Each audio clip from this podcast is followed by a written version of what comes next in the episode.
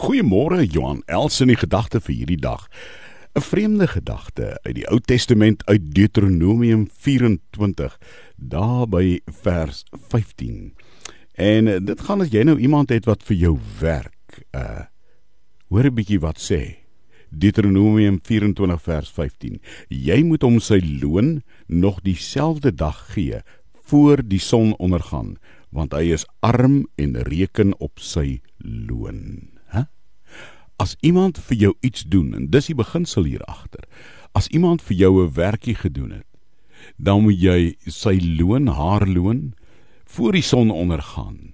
Want baie keer dikwels is daai ene wat vir jou iets gedoen het, uh, arm en maak staat op dit wat jy hom of haar gee.